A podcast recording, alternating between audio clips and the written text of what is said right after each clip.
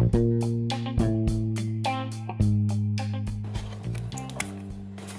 teman-teman, kembali lagi dengan Mr. X. Kali ini Mr. X akan membawakan sejarah episode pertama part 2 ya.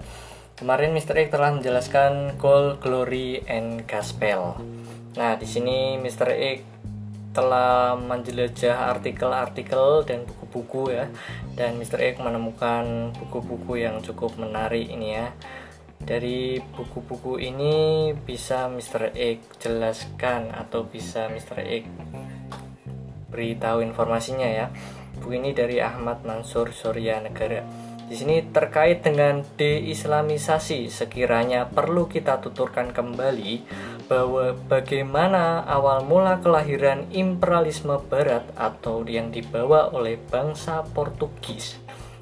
Ya, Secara umum masyarakat kurang memahami bahwasanya target utama dari imperialisme barat adalah menaklukkan Islam.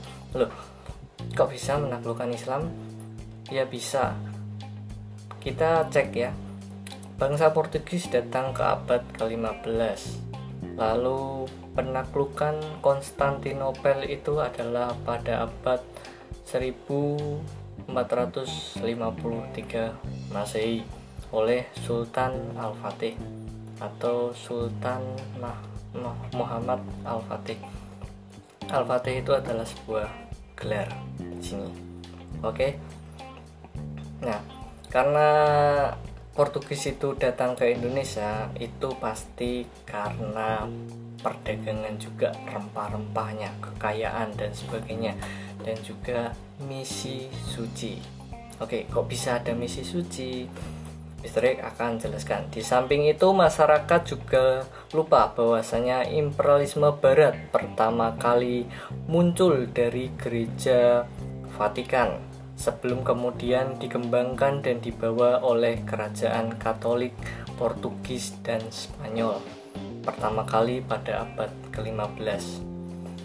Tidak hanya Katolik, namun bahkan sekte Protestan dan Calvinis pun juga mempelopori berdirinya imperialisme barat modern yang dalam perkembangannya juga terkait dengan berjalannya kapitalisme.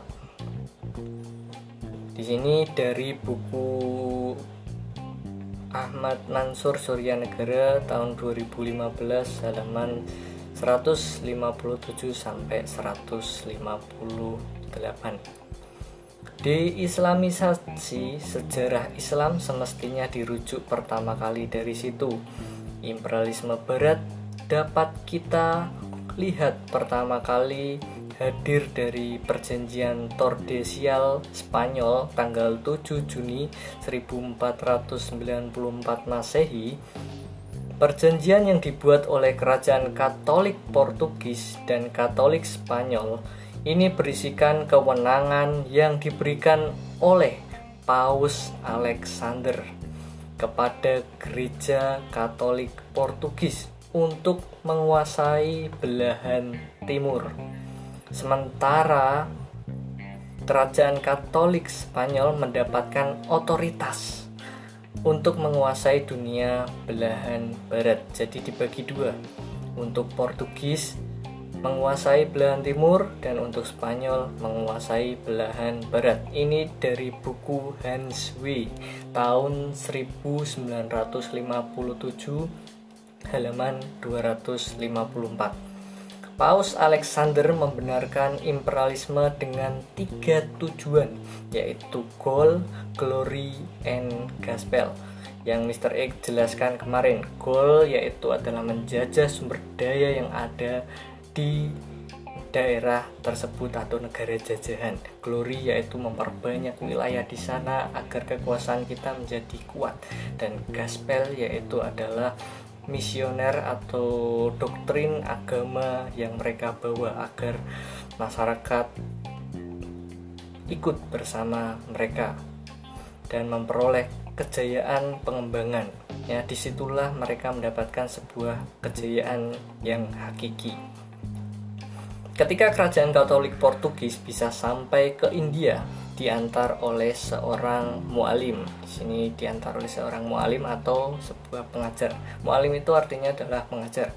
Ya, bernama Ahmad bin Majid. Karena pada saat itu tidak seorang pun dari barat yang sudah pernah menyeberangi samudera Persia atau samudera India nama baru dari barat dalam catatan Sir Thomas Arnold. Jadi dulu namanya adalah Samudra Persia dan diganti namanya jadi Samudra India ya. Itu dari buku catatan Sir Arnold tahunnya 1965 halaman 96 ada sejumlah fakta terkait dengan deislamisasi sejarah yang bisa kita lihat di awal ini. Pertama kita secara konsisten mengikuti peta bumi yang dilukis oleh Arbiruni tahun 973 sampai 1048 Masehi. Nama Samudra India sebenarnya adalah Samudra Persia. Hanya setelah imperialisme barat yang berkuasa, digantilah namanya menjadi Samudra India.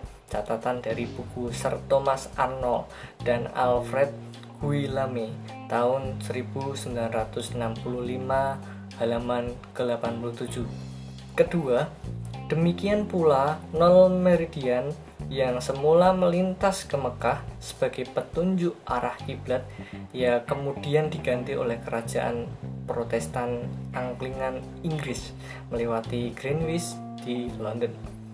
Determinasi Nasi ini kemudian secara potensial mengakibatkan perubahan operasi sejarah dunia, di mana informasi sejarah tentang aktivitas pasar di Arab kurang banyak dipahami oleh sejarawan di Asia pada umumnya. Sejarawan Barat selalu mengecilkan peranan pasar di Arabia, namun lebih mengangkat peranan pasar di India atau Cina dalam tulisan sejarah. Di sini uh, apakah ada khalifah di Nusantara? Nah, Misalnya juga akan bahas. Ada juga yang bilang gimana dong ada nggak sebenarnya khalifah di Jawa ini? Jadi Mitrik akan jawab dulu ya. Dulu ada pertempuran di Baghdad. Pertempuran di Baghdad ya yaitu pada zaman kekhalifahan Al-Mustaqim dari dinasti Abbasiyah yang tak mampu membendung serangan tentara dari Mongol yaitu tentara dari Cina ya yang dipimpin oleh cucunya yaitu Genghis Khan ya. Pada Februari 1258 tentara itu berhasil mengalahkan tentara kekhalifahan dan membumi hanguskan kota Baghdad pada saat itu. Yang diakui sebagai pusat kebudayaan Timur Tengah dan Islam itu luluh lantah hanya dalam beberapa minggu. Itu sangat mengerikan. Nah pada saat itu eh, Bani Abbasiyah ada yang selamat. Beberapa. Dan mereka istilahnya berhijrah sampailah dia ke negeri Nusantara yaitu bertempat di Aceh. Tapi kalau dulunya namanya misteri kurang tahu entah Aceh atau apa. Akhirnya uh, mendirikan sebuah kerajaan yang dinamakan Samudra Pasai ya. Dinamai Samudra Pasai. Setelah itu tentara Portugis datang berlayar ke Malaka. Lalu di sana tentara Portugis ya memporak-porandakan dengan tiga tujuan yaitu gold, glory and gospel dan membuat kerajaan di sana dan menetap dan juga bekerja sama dengan kerajaan-kerajaan di Jawa untuk berpolitik dan berdagang dan sebagainya. Tujuannya apa? Yaitu mendapatkan kekayaan di sana. Kalau tidak mendapatkan kekayaan di sana akan kalah dengan perdagangan. Karena pada saat itu ya Konstantinopel sudah ditaklukkan oleh Sultan Muhammad Al-Fatih pada 1453 sedangkan bangsa Portugis datang ke Nusantara itu abad ke-15 nah setelah itu Samudra Pasai uh, memberikan ancaman terhadap bangsa Portugis memberikan surat nih kepada kerajaan Portugis yang berada di Malaka mengecam keras tidak suka dengan apa yang dilakukan oleh Portugis dan akhirnya diseranglah oleh Samudra Pasai dan gagal ya gagal serangan pertama akhirnya uh, Bani Abbasiyah yang berada di Aceh ini mengirimkan surat ke Turki Utsmani.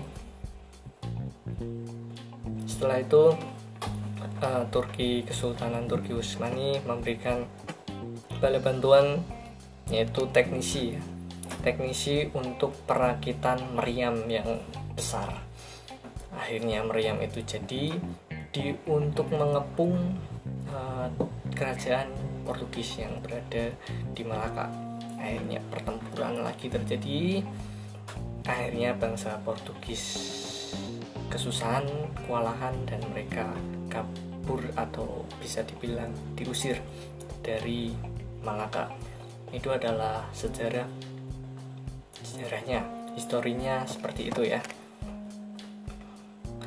Ya teman-teman ya jadi uh, Portugis menjajah itu dengan tujuan yaitu mendapatkan pundi-pundi kekayaan dan juga tugas suci dari gereja Vatikan dari Paus Alexander. Itu adalah sejarah yang terjadi memang perang agama, perang kekuasaan ya kita tidak memungkiri bagaimana dunia ini bekerja jadi bagaimana negara itu bisa maju dulunya ya itu caplok-caplokan antar negara agar negaranya dapat hidup atau bisa lebih eksis pada masa depannya. Nah, di sini juga ada pertanyaan lagi tentang sebuah wali songo, apakah itu dari Turki Utsmani dan sebagainya. Di sini uh, dari sejarawan Indonesia sendiri bahasanya uh, mengatakan bahwa Sunan Wali atau Wali Songo uh, yang bertempat di Gresik itu ya di Gresik itu tidaklah suruhan dari Turki Usmani Duh, kok bisa buktinya adalah makam di sini buktinya adalah makam di Sunan Gresik dan juga makam di Aceh yaitu makam dari keturunan dinasti Bani Abbasiyah itu sama sama persis. Nah, berkat sama persis ini dibuktikanlah bahwasanya Samudra Pasai atau kerajaan Samudra Pasai dulunya yang menyuruh Sunan Gresik berada di Gresik untuk tujuan menyebarkan agama Islam dari Sabang sampai Merauke. Jadi seperti itu ya dari penjelasan sejarah Indonesia sejarawan Indonesia. Itulah sejarah dari uh, penjajahan Portugis yang mungkin belum kita ketahui atau bahkan kita sudah tahu. X juga kurang tahu yang penting. X menyebarkan sebuah informasi karena sejarah adalah dasar kita untuk mengukir sebuah masa depan. Itu aja dari. X. Terima kasih atas waktunya. Tunggu episode-episode selanjutnya dari Mr. X. Jangan lupa nanti episode 2 akan ada FOC. Mr. X juga akan bahas detail di sana ya, bahas detail sampai tuntas. Oke, sehingga tidak terjadi kesalahpahaman dan janganlah melintir sebuah sejarah jangan menambah uh, menambah sejarah jangan mengurangi sejarah uh, sesuailah apa adanya dengan data dan logika ya data itu adalah sebuah dasar dan datanya juga harus kredibel. Dari mana asalnya dari buku apa siapa yang membuat intinya orang mana yang buat. Nah itu harus tahu. Jangan sampai sejarah kita dipelintir oleh bangsa-bangsa lain untuk menghancurkan negara kita sendiri. Itu pesan dari, dari Mr. X ya. Oke terima kasih atas waktunya teman-teman. Bye bye